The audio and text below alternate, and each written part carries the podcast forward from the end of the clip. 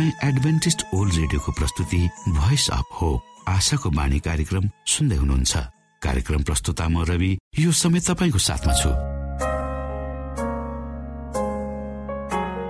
आदरणीय श्रोता लाखौं करोडौं ध्वनि तरङ्गहरूको बीचमा भरोसा योग्य आशाका आत्मिक सन्देश सहित आशाको बाणी कार्यक्रम तपाईँको सामु आइपुगेको छ।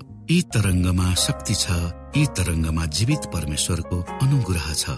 यो कार्यक्रमलाई सुन्न रोज्नुहुने समस्त श्रोता वर्गमा हामी आभार व्यक्त गर्दछौ। आजको कार्यक्रमबाट यहाँले प्रशस्त आशिष पाउन सक्नु भएको होस्। यही शुभेच्छा व्यक्त गर्दै सधैँ हामी हाम्रो मूल विषयतिर जानु अगाडि सुनौ यो मधुर क्रिस्टीय भजन।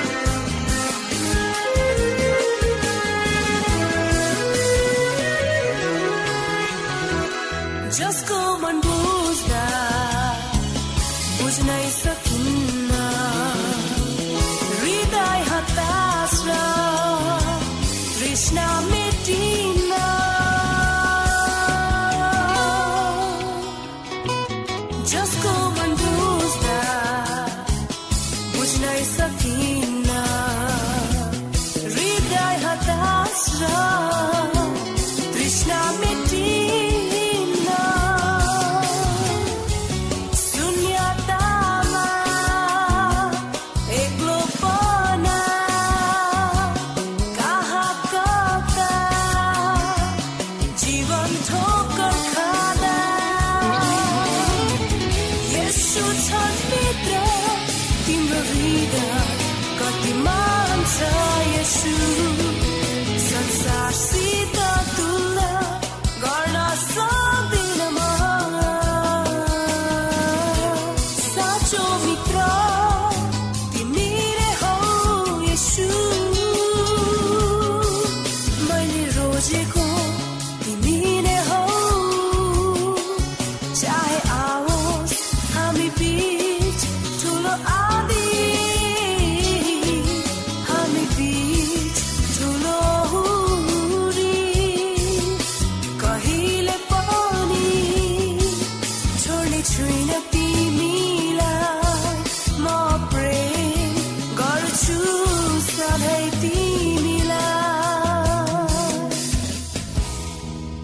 समय तपाईँ एडभेन्टिस्ट ओल्ड रेडियोको प्रस्तुति भोइस अफ होप आशाको बाणी कार्यक्रम सुन्दै हुनुहुन्छ। श्रोता मित्र यो समय हामी पास्टर उमेश पोखरेलबाट आजको बाइबल सन्देश सुन्नेछौ। श्रोत साथी न्यानो अभिवादन साथ म तपाईँको आफ्नै आफन्त अर्थात् पास्टर उमेश पोखरेल परमेश्वरको वचन लिएर यो रेडियो कार्यक्रम मार्फत तपाईँको बीचमा पुनः उपस्थित भएको छु। श्रोता मलाई आशा छ तपाईँले हाम्रा कार्यक्रमहरूलाई नियमित रूपमा सुन्दै हुनुहुन्छ र परमेश्वरका प्रशस्त आशिषहरू प्राप्त गर्दै हुनुहुन्छ। श्रोता आजको प्रस्तुतिलाई पस गर्नुभन्दा पहिले आउनुहोस् हामी परमेश्वरमा अगुवाईको लागि बिन्ती राख्नेछौँ।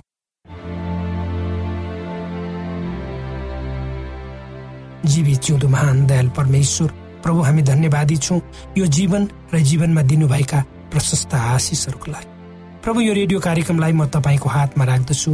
यसलाई तपाईँको राज्य र महिमाको प्रचारको खातिर यो देश र सारा संसारमा तपाईँले पुर्याउनुहोस् ताकि धेरै मानिसहरू जो अन्धकारमा हुनुहुन्छ बाँच्नुको अर्थ थाहा नपाएर भौतारिरहनु भएको छ। उहाँहरूलाई तपाईँको ज्योतिले डोराउन सक्नुहोस्। सबै बिन्ती प्रभु यीशुको नाममा। आमेन।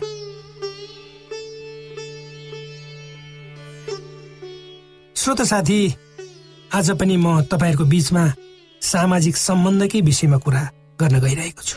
मित्र बनाउनु सजिलो हुन सक्छ तर उक्त मित्रतालाई कायम गर्नु त्यति सजिलो नहुन सक्छ। तपाईँले आफ्नो जीवनमा कतिजना मानिसहरूलाई साथी बनाउनु भयो अहिलेसम्म कति समय उनीहरूसँग बिताउनु भयो आफ्नो बाल्यकालदेखि अहिलेसम्म। तर ती साथीहरू मध्ये कतिजनासँग तपाईँले आफ्नो सम्बन्धलाई अहिलेसम्म निरन्तरता दिन सक्नु भएको छ? यो प्रश्न तपाईँ हामी सबैको लागि। कतिजना तपाईँका स्कुल दिनका मित्रहरू जोसँग अहिले पनि तपाईँको सम्पर्क छ। त्यसै गरी कलेजका दिनमा भएका मित्रहरू जो कुनै बेला तपाईँसँग धेरै नजिक थिए एउटै कोठामा कैयौँ वर्षहरू बिताउनु भयो उनीहरूसँग के ती मित्रहरूले तपाईँलाई अझै ख्याल लाग्छन् र तपाईँ पनि ती मित्रहरूको सम्पर्कमा हुनुहुन्छ? यो प्रश्न सबैको लागि सान्दर्भिक जस्तो लाग्छ। मेरा धेरै मित्रहरू थिए तर उनीहरूसँग मेरो सम्पर्क आज छैन। र अहिले मसँग नयाँ मित्रहरू छन्। र भोलि यी पनि नहुन सक्छन् हामीहरू जो वयस्क उमेर पार गरी व्यावहारिक जीवनमा छौँ हाम्रो समूह एउटा विभिन्न कुराहरूले बाँधिएको हुन्छ। हाम्रो अगाडि भविष्यको योजना हुन्छ। आफ्नो पेसा अनि सन्तानहरूको निम्ति आफ्नो समय बिताउन हामी चाहन्छौँ र बिताउनु पर्छ। कहिलेकाहीँ मलाई लाग्छ कि म मिसिन त होइन। बिहान छ बजेदेखि राति एघार बजेसम्म काम गर्दा पनि सकिन्। एउटा काम सके भन्न लाग्न साथ। अर्को नयाँ काम मेरो अगाडि आइसकेको हुन्छ। जब हामी बुढा हुँदै जान्छौँ तब हाम्रो चाहना र गराइ पनि अहिलेको संसारसँग नमिल्ने हुन सक्छ। त्यसैले त मेरो सानो छोराले मलाई पुरानो जमानाको भनेर सोध्छु। जब हामी आफ्नो एकअर्काको सम्बन्धबाट आनन्द खुसी र सन्तुष्टि प्राप्त गर्न खोज्छौँ तर ती कुराहरू समय र परिस्थितिको अभावमा पुरा नहुँदा हामी खिन्न मान्छौँ। र हाम्रो अरूसँगको सम्बन्धलाई डह्रो बनाएर राख्न हामी सक्दैनौँ। यदि तपाईँ कसैसँग राम्रो सम्बन्धलाई घनिष्ठता साथ अगाडि बढाउन चाहनुहुन्छ तपाईँले उक्त व्यक्तिसँग समय बिताउनुपर्छ। उसँग वार्तालाप गर्नुपर्छ। त्यसको निम्ति समय चाहिन्छ। चाहे त्यो तपाईँको आफ्नै श्रीमान र श्रीमतीसँगको सम्बन्ध किन नहोस् चाहे छोरा छोरी बीच तपाईँको सम्बन्ध किन नहोस् चाहे अरू बीचको तपाईँको सम्बन्ध किन नहोस्। जब तपाईँले कसैसँग आफ्नो सम्बन्ध स्थापना गर्न र उक्त सम्बन्धलाई जीवित राख्नको निम्ति समय स्रोत र साधन खर्च गर्नुहुन्छ। त्यसले एक दिन जब तपाईँ अप्ठ्यारोमा पर्नुहुन्छ वा अप्ठ्यारो परिस्थितिमा भएर गुज्रिनु भएको हुन्छ त्यति बेला त्यो सम्बन्धले तपाईँलाई शक्ति दिन्छ सहयोग गर्छ। आजको युगमा बाँचेका तपाईँ हामी सबैलाई समयको अभाव छ। हामीले थोरै समयमा धेरै काम गर्नुपर्ने हुन्छ। प्रतिस्पर्धात्मक युगमा हामी छौँ। त्यसकारण समय अनुसार आफूलाई परिवर्तित गरेर चलाउनु पर्ने हुन्छ। यी सबै कुराहरूको निम्ति हामीले आफूलाई सन्तुलित रूपमा चलाउनु। आजको विज्ञान र प्रविधिको युगमा हामी बाँचेका छौँ। विभिन्न किसिमका टेक्नोलोजीहरू दिन प्रतिदिन थपाइँदैछन्। यिनीहरूलाई राम्रो र सकारात्मक रूपले लिनुपर्छ। तर जब यिनीहरूको प्रयोगको कुरा आउँछ त्यति बेला बुद्धिमानी अपनाउनु राम्रो हुन्छ। आफ्ना साथीभाइसँगको सम्बन्ध र सम्बन्धलाई पहिलो प्राथमिकता दिनुपर्छ। र सामाजिक सञ्जालहरूलाई आफ्ना मित्रहरू घर परिवारहरूसँगको स्वस्थ सम्बन्धलाई निरन्तरता दिनको निम्ति मात्रै प्रयोग गर्नुपर्छ। त्यसलाई गलत रूपमा हामीले प्रयोग गर्नु हुँदैन त्यसकारण अहिले भएका सामाजिक सञ्जालहरू मार्फत आफ्ना विचारहरूलाई जबरजस्ती लाद्ने प्रयास गर्नु मूर्खता हुन सक्छ किनकि तपाईँले भन्न खोज्नु भएको कुरा एउटा हुन सक्छ तर मानिसहरूले अर्कै किसिमले बुझेर तपाईँमाथि नै आरोप र प्रत्यारोप लाग्न सक्छ। त्यसकारण यी सामाजिक सञ्जालहरूलाई विवादास्पद कुरा गर्ने ठाउँ नबनाउँदा राम्रो हुन्छ। यदि तपाईँका नानीहरू छन् भने उनीहरूका साथीहरू पनि हुनुपर्छ। जब तपाईँ ती तपाईँका नानीहरूका साथीहरू र उनीहरूका आमा बाबुहरूसँग कुराकानी र व्यवहार गर्नुहुन्छ त्यति बेला तपाईँले स्पष्ट र इमान्दारीपूर्वक आफूलाई प्रस्तुत गर्नुपर्छ। किनकि तपाईँका नानीहरू तपाईँका नानीहरूका साथीहरूले तपाईँलाई हेरिरहेका हुन्छन्। कहिलेकाहीँ तपाईँका नानीहरू उनीहरूको साथीहरू भाइसँग झगडा गर्लान्। त्यति बेला एक पक्षको मात्र कुरा सुनेर निर्णय नलिनुहोस्। दुवै पक्षको कुरा सुनि वातावरणलाई नियन्त्रणमा लिनु बुद्धिमानी हुन्छ। कतिपय अवस्थामा केटाकेटीहरू झगडा गर्दा उनीहरूका आमा बाबुहरू पनि आफ्ना नानीहरूको पक्षमा लागि झगडा गरेको हामीले देखेका छौँ। मैले भोगेको छु। जब म सानो थिएँ मेरो झगडा एउटा मेरो काकासँग भयो अनि मेरो आमा र मेरो हजुरआमा चाहिँ झगडा गर्नुभएको छ। आमा बाबुहरू आफ्नो नानीहरूको पक्षमा लागि झगडा गरेको हामीले देखेका छौँ वा आफैले पनि हामीले गरेका हुन सक्छौँ। किनकि हाम्रा नानीहरूले हरूले जति गल्ती गरे पनि हामी आमा बाबुले नगरेको देख्छौँ। किनकि उनीहरूलाई हामी अति नै माया गर्दछौँ। त्यसकारण दुई पक्ष वा परिवारलाई मान्य हुने उपाय हामीले खोज्नुपर्छ। अर्थात् हामीले गर्ने प्रत्येक निर्णयलाई हाम्रा सन्तानहरूले हेरिरहेका हुन्छन्। त्यसकारण ती निर्णयहरू सन्तुलित र स्वस्थ हुनु जरुरी छ। किनकि त्यसले तपाईँ हाम्रा सन्तानहरूको भविष्यमा प्रभाव पार्न सक्छ। जब हामी आफ्नो काम गर्ने कार्यालय वा स्थानमा जहाँ हुन्छौँ त्यहाँ हामीसँग हामी सबैसँग मिलेर बस्न सकेका नहुन सक्छौँ वा सबैसँग हामी मिल्न सक्दैनौँ। र हामीलाई सबै मान्छे मन पर्छन् भन्ने पनि छैन र सबै मानिसलाई म मन पर्छु भन्ने पनि नहुन सक्छ। तर सकेसम्म मित्रवत इमान्दार र सचेत रहनु बुद्धिमानी हुन्छ। कुनै पनि व्यक्तिको विषयमा कुरा काट्ने र नराम्रो समाचार फैलाउनु हुँदैन। यद्यपि हाम्रो समाज यस्ता कुरामा एक पाइला अगाडि छ। हाम्रो स्वभावै अर्काको बदनाम गराउने छ। त्यसका एउटा सानो कुरा भेट्टायो भने हामी त्यसलाई पहाड बनाएर प्रस्तुत गर्न आतुर हुन्छौँ। आफ्नो कार्यक्षेत्रमा काम गर्दा एक अर्कालाई क्षमा दिने र आफूले पनि क्षमा पाउने किसिमको वातावरण हामीले सृजना गर्नुपर्छ। त्यसलाई हामीले यदि हामीले अर्काका कुराहरू सुन्ने र सुनेर बुद्धिमानी पूर्व पूर्वक निर्णय लिने गऱ्यौँ भने हाम्रो छवि त्यसले उच्च बनाउँछ। तपाईँ दैनिक रूपमा जो जोसँग काम गर्नुहुन्छ त्योसँगको सम्बन्धलाई स्वस्थ रूपमा कायम राख्नुहोस्। यदि त्यसो गर्नु भएन भने तपाईँले उपयुक्त रूपमा काम गर्ने वातावरण पाउनुहुन्न र तपाईँ र तपाईँसँग काम गर्ने मानिस पनि निराश हुन सक्छन्। त्यसले तपाईँले गर्नुपर्ने काम तपाईँ राम्ररी गर्न सक्नुहुन्न र त्यसबाट आशा गरेको प्रतिफल पनि हासिल गर्न सके। यदि तपाईँले गल्ती नै गर्नुभएको छ भने त्यसलाई स्वीकार गर्नुभयो भने त्यसले तपाईँको काम गर्ने ठाउँमा उपयुक्त वातावरण बनाउन सक्छ। आफ्नो गल्तीलाई मानेर सुधार गर्ने चाहने र अरूलाई पनि उसको गल्ती कमजोरीबाट सुधार्न चाहने मानिसले आफ्नो कार्यक्षेत्रमा सफलता प्राप्त गरेको हामीले देखेका छौँ। हामी मानिसहरू स्वभावैले स्वार्थी म मात्र भन्ने शारीरिक र मानसिक रूपले कमजोर र जानी नजानी हामीबाट गल्ती कमजोरी हुन सक्छ। त्यसलाई मानेर उक्त कुरा पुनः नदोहोऱ्याउने दृढताका साथ सकारात्मक सोचाइमा अरूलाई पनि सुधार्ने बाटोमा हामी हिँड्यौँ भने हामी सबै शान्ति र आनन्दमा जिउने थियौँ होला। यी वचनहरूले तपाईँलाई आशिष दिउँ श्रोता भर्खरै यहाँले पास्टर उमेश पोखरेलबाट बाइबल वचन सुन्नुभयो। यो समय तपाईँ एडभेन्टिस्ट ओल्ड रेडियोको प्रस्तुति भोइस अफ होप आशाको बाणी कार्यक्रम सुन्दै हुनुहुन्छ। कार्यक्रम सुनेर बस्नुहुने सबै श्रोतालाई हामी हाम्रो कार्यक्रममा स्वागत गर्न चाहन्छौ। श्रोता मित्र यदि तपाईँ जीवनदेखि हरेस खानु भएको छ तपाईँका जीवनमा धेरै अनुत्तरित प्रश्नहरू छन् भने आउनुहोस् हामी तपाईँलाई परमेश्वरको ज्योतिमा डोहोऱ्याउन चाहन्छौँ। र तपाईँ आफ्नो जीवनका चिन्ता फिक्रीबाट निश्चिन्त हुनुहोस् र बाँच्नुको आनन्द परमेश्वरको सामिप्यमा कति मिठो हुन्छ त्यो चाख्नुहोस् भनी हामी चाहन्छौँ। श्रोता यदि तपाईँ आशाको बाणी कार्यक्रमलाई अनलाइन सुन्न चाहनुहुन्छ वा डाउनलोड गर्न चाहनुहुन्छ भने ओआरजीमा जानुहोस्। त्यहाँ तपाईँले प्रत्येक दिनको कार्यक्रम सुन्न र डाउनलोड गर्न सक्नुहुनेछ। हाम्रो वेब पेज यस प्रकार छ डब्लु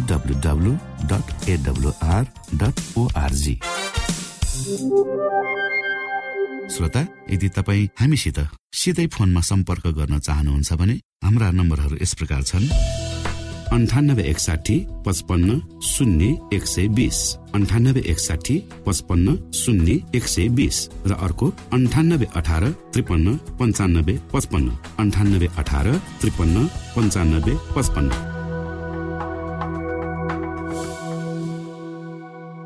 श्रोत साथी आज तपाईँहरूको बिचमा म एउटा समसामयिक प्रस्तुति वास्तविक सत्यलाई लिएर उपस्थित भएको छु जसको शीर्षक छ एक्लो जीवन।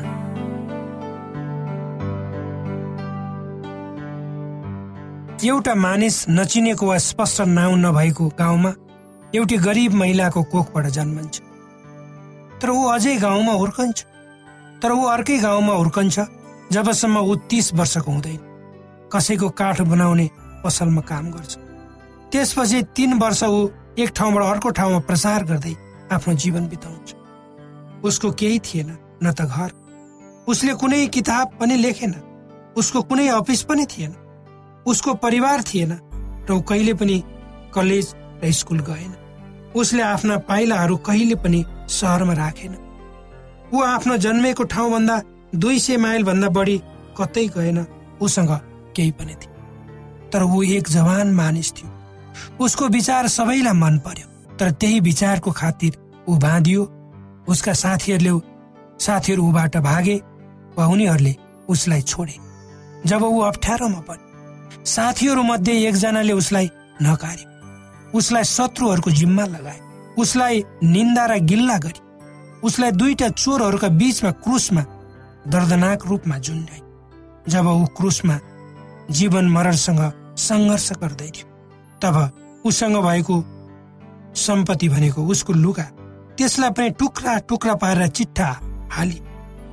जब उसको मृत्यु भयो उसलाई अर्काको निम्ति बनाइएको चिहानमा उसको साथीको दयाको कारण गाडी उन्नाइसौँ लामा शताब्दीहरू आए र गए तर पनि आजसम्म सारा मानवको केन्द्रबिन्दु उही नै छ। र म सही हुन सक्छु यदि यसो भने भने। अहिलेसम्म जति शत्रुहरू आए जति युद्ध पोतहरू बनिए सबै देशका संसदहरू बसे राजाहरूले राज्य गरे संसारलाई एक बनाए तर पनि ती मानिसको जीवनमाथि कुनै प्रभाव छोड्न सकेन। उनको शक्तिसँग कसैले पनि मुकाबिला गर्न सके। ती व्यक्ति हुन् प्रभु यीशु। कोभिड नाइन्टिनका सम्पूर्ण खोप वा भ्याक्सिनको सफल परीक्षण गरिएको छ। यी भ्याक्सिन लिनाले हामी गम्भीर बिरामी हुनबाट जोगिन सक्छौ। त्यसैले तपाईँ पनि यो खोप लिनुहोस्। यदि तपाईँलाई पहिले नै कोभिड पोजिटिभ देखिसकिएको छ भने तपाईँ यो खोप चाँडै नै लिनुहोस्। यसो गर्नाले हामी र हाम्रो समुदायमा रोग प्रतिरोधक शक्ति चाँडै नै आउनेछ र हामी सबैजना पहिले जस्तै सामान्य जीवनमा फर्कन सक्दछौ। युनेस्को डब्लुएचओ र रेडियो कार्यक्रम आशाको बाणीबाट जनहितमा जारी सन्देश।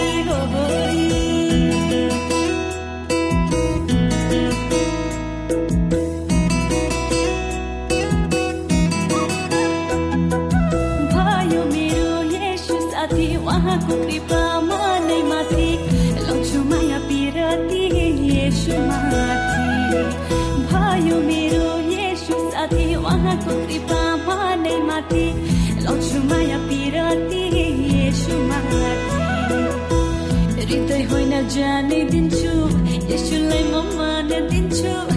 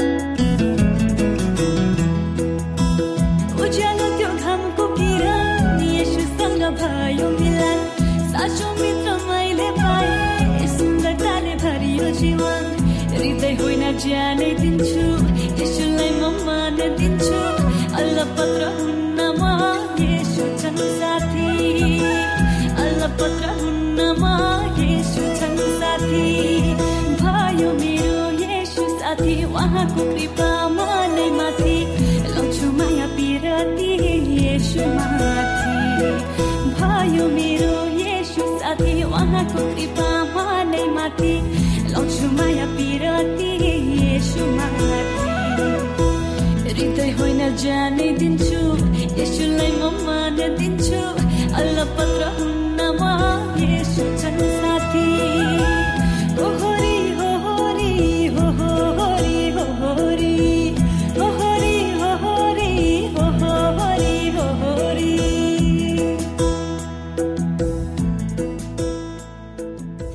आदरणीय मित्र बाइबलले बताएको छ परमेश्वरले तिर्खाकाहरूलाई तृप्त पार्नुहुन्छ।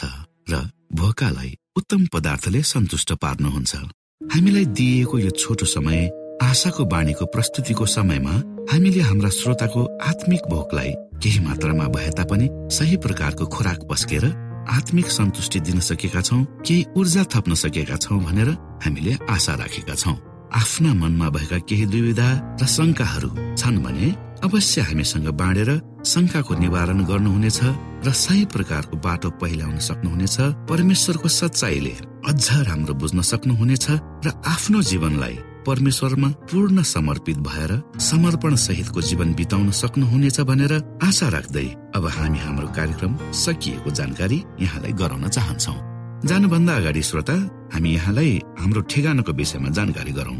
हामीसँग पत्राचार गर्ने हाम्रो ठेगाना यस प्रकार छ। आशाको बाणी पोस्ट बक्स नम्बर दुई शून्य शून्य शून्य दुई काठमाडौँ नेपाल। आशाको बाणी पोस्ट बक्स नम्बर दुई शून्य शून्य शून्य दुई काठमाडौँ नेपाल। यसै गरी श्रोता यदि तपाईँ हामीसँग सिधै कुराकानी गर्न चाहनुहुन्छ भने हाम्रो फोन नम्बर यस प्रकार छ। अन्ठानब्बे एकसाठी पचपन्न शून्य एक सय बिस। अन्ठानब्बे एकसाठी पचपन्न शून्य एक सय बिस। र अर्को अन्ठानब्बे अठार त्रिपन्न पन्चानब्बे पचपन्न अन्ठानब्बे अठार त्रिपन्न पन्चानब्बे पचपन्न। हामीलाई इमेल पनि गर्न सक्नुहुन्छ। हाम्रो इमेल एड्रेस यस प्रकार छ Nepal at AWR dot ORG Nepal at AWR dot ORG यदि तपाईँ हामीलाई अनलाइन सुन्न चाहनुहुन्छ वा डाउनलोड गर्न चाहनुहुन्छ भने तपाईँ W W W dot AWR dot ओआरजीमा जानुहोस् र त्यहाँ तपाईँले हाम्रा सबै कार्यक्रमहरू सुन्न सक्नुहुनेछ। हाम्रो वेब पेज यस प्रकार छ W dot AWR dot ORG श्रोता यसमा गएर तपाईँले हाम्रा दैनिक कार्यक्रमलाई सुन्न सक्नुहुनेछ र डाउनलोड पनि गर्न सक्नुहुनेछ। हवस् त श्रोता हाम्रो कार्यक्रम सुनिदिनु भएकोमा एकचोटि फेरि यहाँलाई धन्यवाद दिँदै भोलि फेरि यही स्टेशन यही समयमा यहाँसँग भेट्ने आशा राख्दै प्राविधिक साथी राजेश र पास्टर उमेश पोखरेल र कार्यक्रम प्रस्तुता म रवि यहाँसँग विदा माग्दछौ। परमेश्वरले तपाईँलाई धेरै धेरै आशिष दिनु भएको होस्। नमस्कार।